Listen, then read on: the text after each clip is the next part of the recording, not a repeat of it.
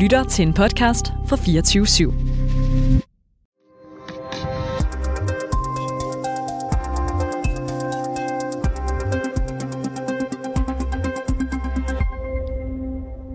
En kvinde står på en lang vej, der er omkranset af bjerge. Hun er en del af det oprindelige peruvianske folk. Hun har et farvet klæde hængende over skulderen og en kæp i hånden. Foran hende, lidt længere ned ad vejen, er der kampklædte personer omgivet af røgslør. Kvinden, der bevæger sig hen imod de peruvianske sikkerhedsstyrker, er blevet billedet på den splittelse og den uro, der lige nu dominerer Peru. Den tidligere præsident Castillo, som har en særlig betydning for folket på landet, begik et fejlslagent kupforsøg, og nu er han smidt i fængsel. I et voldeligt opråb besøger hans, eller forsøger hans tilhængere derfor at få ham ud igen. Med ordene Libertad Pedro Castillo går de på gaden. Du lytter til konfliktzonen, hvor vi i dag dykker ned i den spektakulære sag om Pedro Castillo. Og så ser vi nærmere på splittelsen i den peruvianske befolkning, der nu konfronterer hinanden på åben gade på baggrund af præsidentens fængsling. Mit navn er David Træs. Velkommen til Konfliktzonen.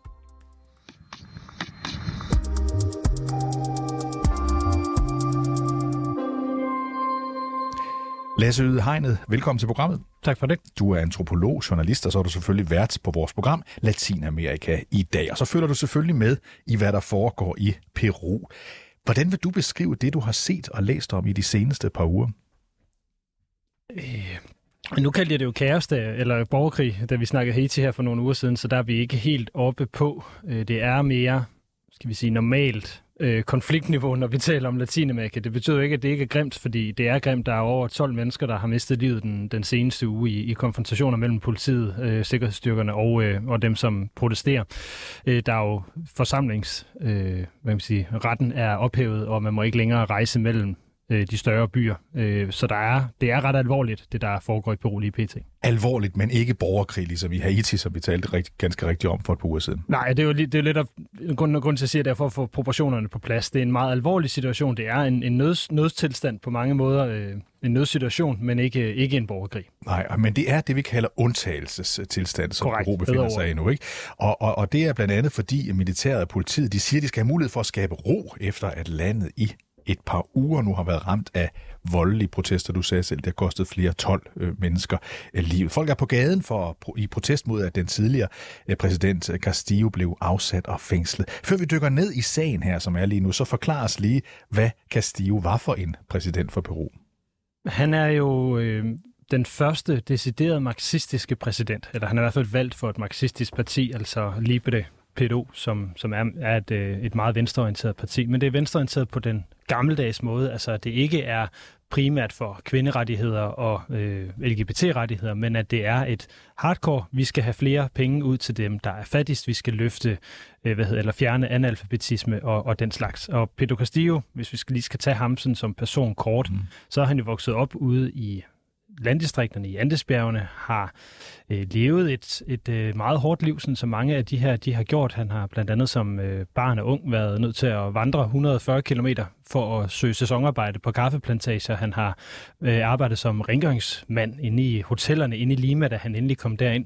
Og så er han øh, måske allervigtigst for at forstå hans position i øh, for landbefolkningen i Peru, så er han øh, skolelærer. Ja. Og skolelærer har en særlig plads i, øh, i de lokale øh, landsamfund, fordi det er en af de få autoritetsfigurer, der er, som man har en vis, øh, vis tiltro til, fordi skole er jo vil børn det bedste som regel. Og så er han, øh, har du også forklaret mig, altså en, en, en lille mand, mørklød, man kan se, altså han går med sombrero, altså han ligner en mand af folket, om så må sige. Det gør han, altså den, det er jo sådan lidt, lidt pudsigt, det er jo ikke så tit, man ser en, en præsident med sådan en stor hvid sombrero på. Det, det er meget sådan øh, karakteristisk på den måde. Han er jo, øh, jeg tror man kalder det et andint øh, udseende. Altså han ligner en fra det oprindelige folk, og så har han altså den her sombrero på, som jo typisk er noget, man, man bruger, når man arbejder ude i marken, og ikke skal brændes af af solen. Og du siger, at han har en andinsk øh, udtryk, altså så skal vi huske på, for dem, der måske ikke ved det, at i, i Peru er den oprindelige befolkning meget stor. Det er den. Den fylder, fylder en hel del. Så lad os lige prøve at spole tiden tilbage, efter vi har fokuseret lidt på, hvem Castillo var, hvordan han var politisk. I begyndelsen af december, der skulle den peruvianske kongres stemme om en mulig rigsretssag mod, mod Pedro Castillo. Hvorfor ville de dog sende ham i rigsretten? Ja, øh, det er det, der er lidt svært også at få, få hovedet og hale i. Øh, fordi det er tredje gang, han har forsøgt at blive sat for en rigsret af den provianske kongres, siden han blev valgt i juli 2021, så det har været en rimelig intens og, og, og voldsom periode, han har siddet her. Øh, de første par gange har det handlet om decideret moralsk inkompetence, at han simpelthen ikke var i stand til at lede landet, men her tredje gang, der har det også handlet om, at han muligvis har bedt sin familie om at oprette virksomheder og selskaber, som staten så har givet øh, anlægsarbejder eller andet til, så der er kommet et, et lag af korruption og nepotisme ind over det, øh, som er det, de efter sine ville, øh, hvad det, ville anklage ham for i en, i en rigsret den her gang. Så første gang, fordi de mente, han var inkompetent, anden gang, fordi de mener, han... Var inkompetent, og tredje gang, fordi ja. så, at der er så kommet et nepotistisk lag oveni. Ja, altså et korrupt øh, ja. lag ifølge de her øh, anklager. Vi skal lige prøve at høre et, øh, et, et, et, et klip med Pedro Castillo. Det er, hvor han kommer kongressen i forkøbet, fordi han holder en tv-tale.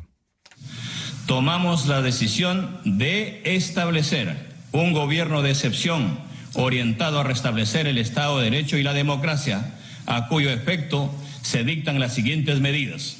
Ja, for dem, der måske har lidt svært ved at følge med i det spanske her, så kan vi blandt andet fortælle, at han i den her tv-tale siger, at kongressen er opløst. Han vil have nyvalg. Hvordan bliver det opfattet? Jamen, det bliver jo opfattet som, at han, han, øh, at han forsøger et statskup helt, helt grundlæggende. Altså, han går jo øh, det, det her det sker den 7. Øh, december, så vi er et, et par uger til, mm. tilbage. Og det, der, det han, han prøver, er jo at forhindre, at det kommer til den her tredje afstemning i kongressen om, hvorvidt han skal få en rigsret. Og det gør han så ved at prøve at afsætte kongressen, før de skal nå at stemme.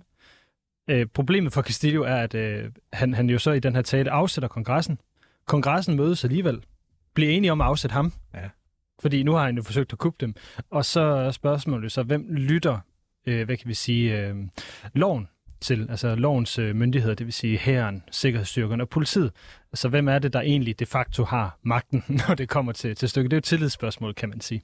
Og Lasse, du har jo dækket og kender Latinamerika endnu, så vi kan sige, det her det er ikke en helt fuldstændig usædvanlig situation i øh, Latinamerika. Det er heller ikke en usædvanlig situation, at der sker det, at den siddende leder der forsøger at finde ud af, om han kan få militæret på sin side, om han kan få sin minister på sin side, men det kan han ikke i det her tilfælde.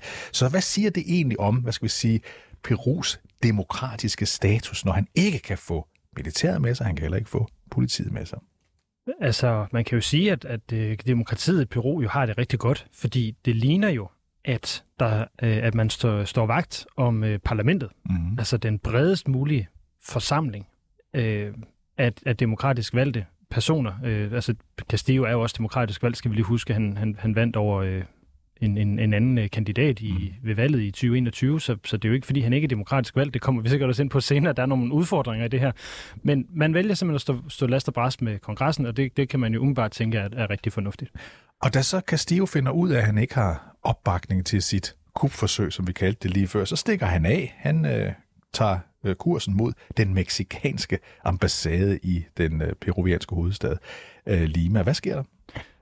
Altså han vil jo søge asyl af tankerne i hvert fald øh, i, på den meksikanske ambassade, og øh, man kan, det er jo blevet kaldt historiens mest idiotiske kupforsøg det her, fordi det er overhovedet ikke gennemtænkt på, på nogen måde, fordi det virker ikke som om man har haft en plan om, hvad der skulle ske, hvis det løb mislykkedes for ham.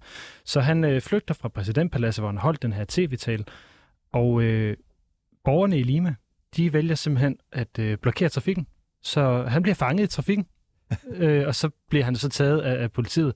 Og det, som jo gør det hele altså, sådan komisk sjovt, er jo, at det her det er et kupforsøg på 124 minutter. Ja. Det er kortere end VM-finalen i går. Ja.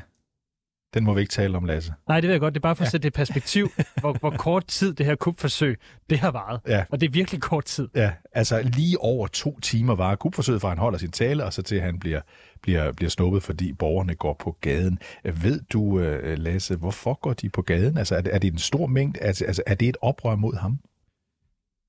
det er jo en, en frustration over, at, at han forsøger at øh, kuppe, mm-hmm. så åbenlyst kuppe øh, den demokratiske magt i landet.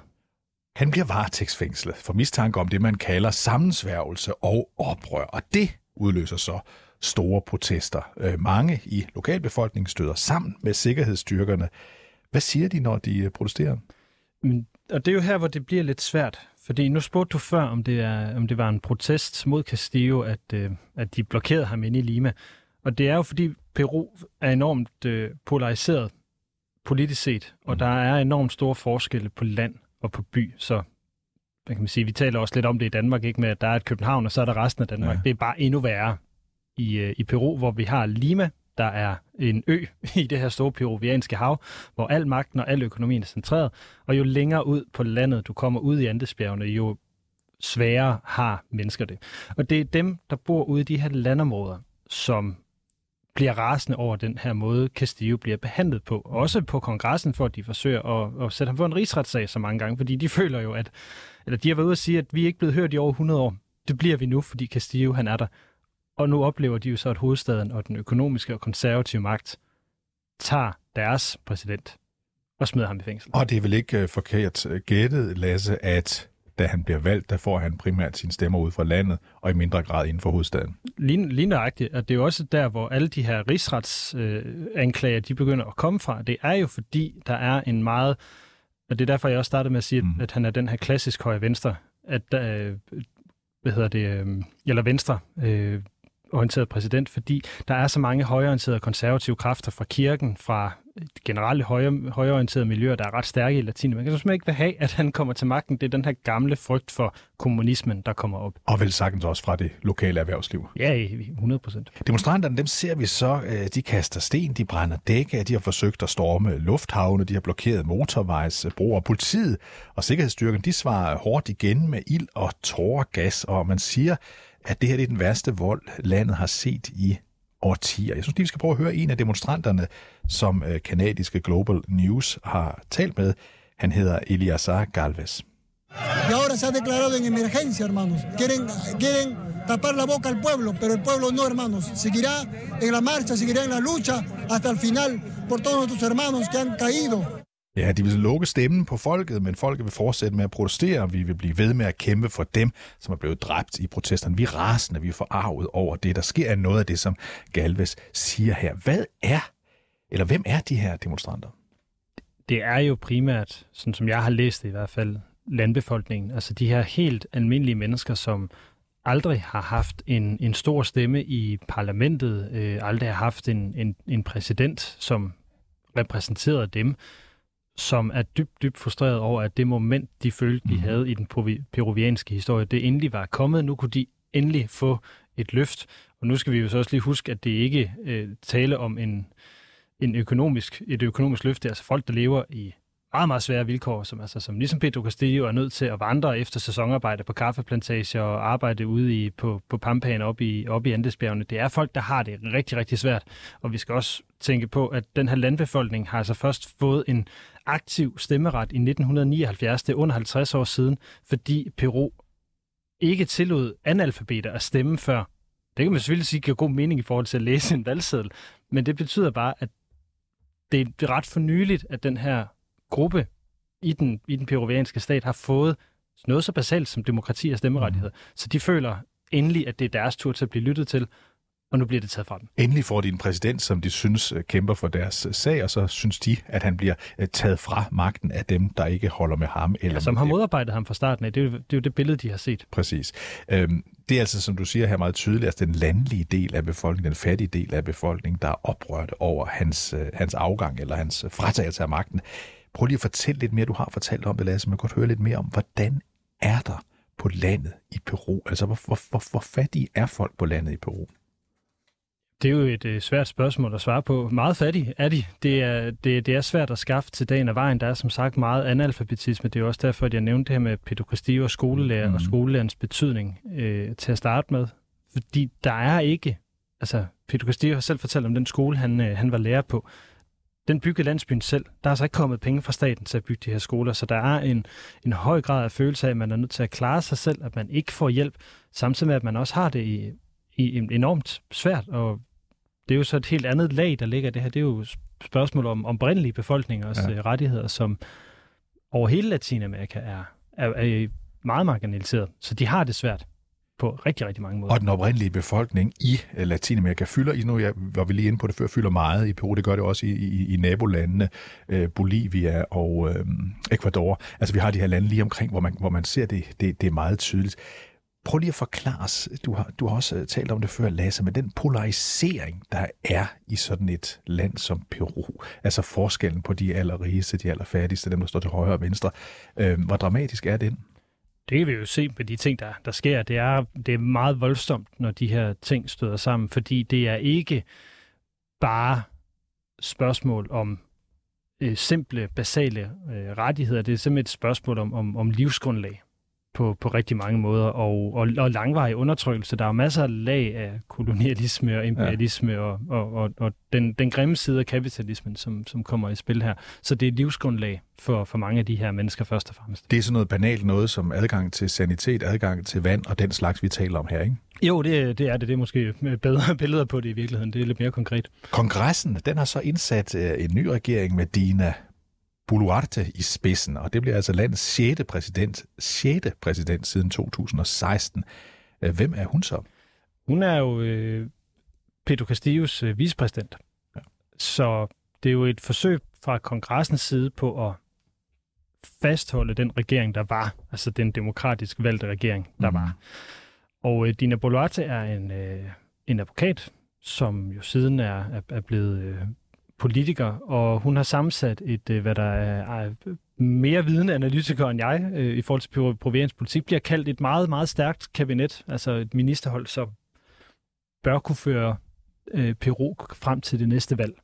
Hun er advokat, siger du, men hun er også i hvert fald tidligere medlem af det samme marxistiske parti som, øh, som, som Castillo, så er hun også, hvad, hvad man, mange måske vil sige, ekstremt venstreorienteret.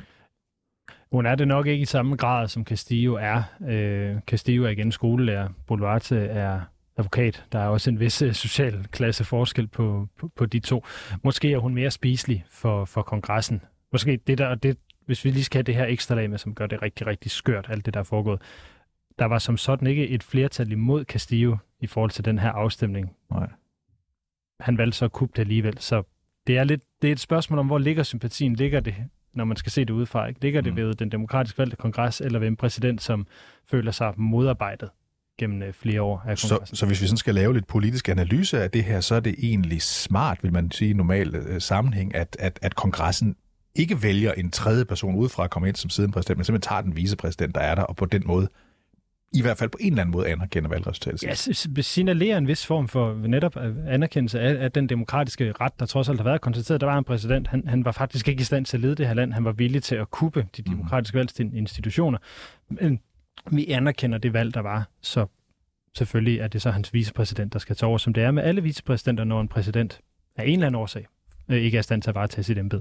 Så er det jo meningen, at der skal være præsidentvalg i Peru næste gang i 2026. Men i et forsøg på sådan at dæmpe de her protester lidt ned, for tingene til, til, til at glide lidt, lidt nemmere, så har den nye præsident Bularte altså foreslået, at præsidentvalget allerede skal holdes næste år, altså i 2023.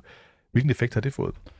Det har ikke rigtig løst noget. Folk er stadigvæk øh, vrede, fordi det er, jo, det er jo selve Castillo, der ligesom er blevet billedet på problemet. Det er ikke øh, valget, kan man sige, fordi det, det er jo så også det, der, her, der, der, der, der, der gør det svært og gør det uigennemskueligt, fordi der har været et valg for halvandet år siden, mm-hmm.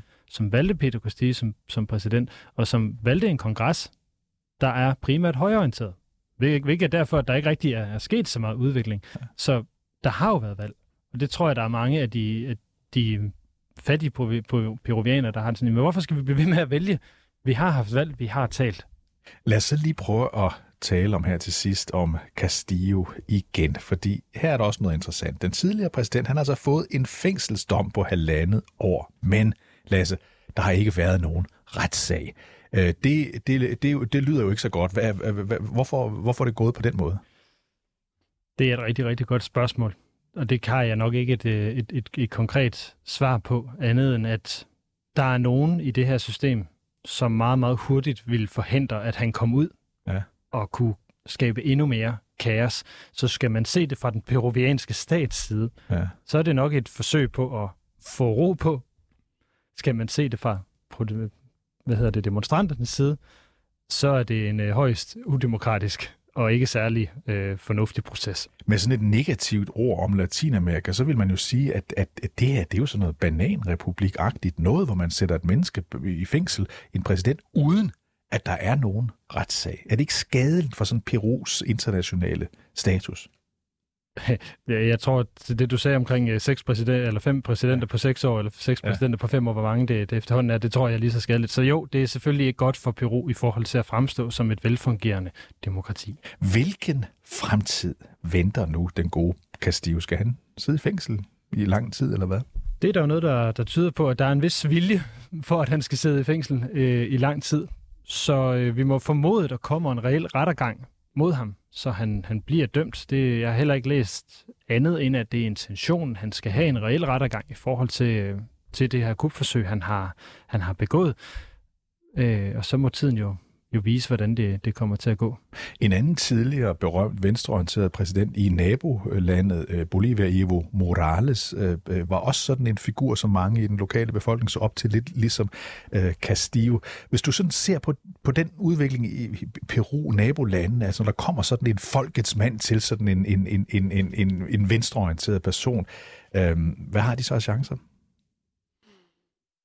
Øh, der er ret stor forskel på Castillo og på, på, øh, på Morales. Øh, Morales sad som præsident i 13 år og forsøgte jo egentlig også at bryde mm. Bolivias øh, forfatning og stille op en, en, øh, en, en fjerde gang. Bliver han så sendt i eksil og kommet tilbage igen nu og skal, stiller måske op til det næste valg i Bolivia. Det er også lidt en, en, en spændende en. Men Morales er jo i højere grad en af de her klassiske latinamerikanske patriarker. Mm. Og han havde selvfølgelig en ret stor støtte, fordi han også er fra det oprindelige folk. Han også var enormt dygtig til at øh, løfte velstandsniveauet, eller bare hive folk op af fattigdom, er nok et bedre ord for det. Så langt er Castillo jo aldrig nået. Han har aldrig fået den samme, øh, de samme resultater, eller den samme, hvad kan man sige, øh, Ja, nu leder jeg efter nogle, øh, har nogle ord, engelske ord i hovedet lige nu, øh, legacy, altså de her... De her øh, Store afgørende transformative dagsorden. Ja, det er præcis. Ja. Det, det er han jo ikke lykkes med, så, så der er ret stor forskel på dem, så det, det, det primære, man kan sammenligne de to med, det er, øh, det er hvad kan man sige, magtbegær og øh, deres øh, oprindelige baggrund. og så fik vi og det deres med, venstreorienterethed, selvfølgelig. Så fik vi det med, at Lasse Ydhegne, der plejer at tænke på spansk, pludselig tænkte på engelsk, og derfor har svært ved at finde ord. Men det lykkedes alligevel. Tusind tak, fordi du kom ind her, Lasse, altså antropolog og vært på Latinamerika i dag, som du kan høre her på 24-7. Tak fordi du kom. Velkommen.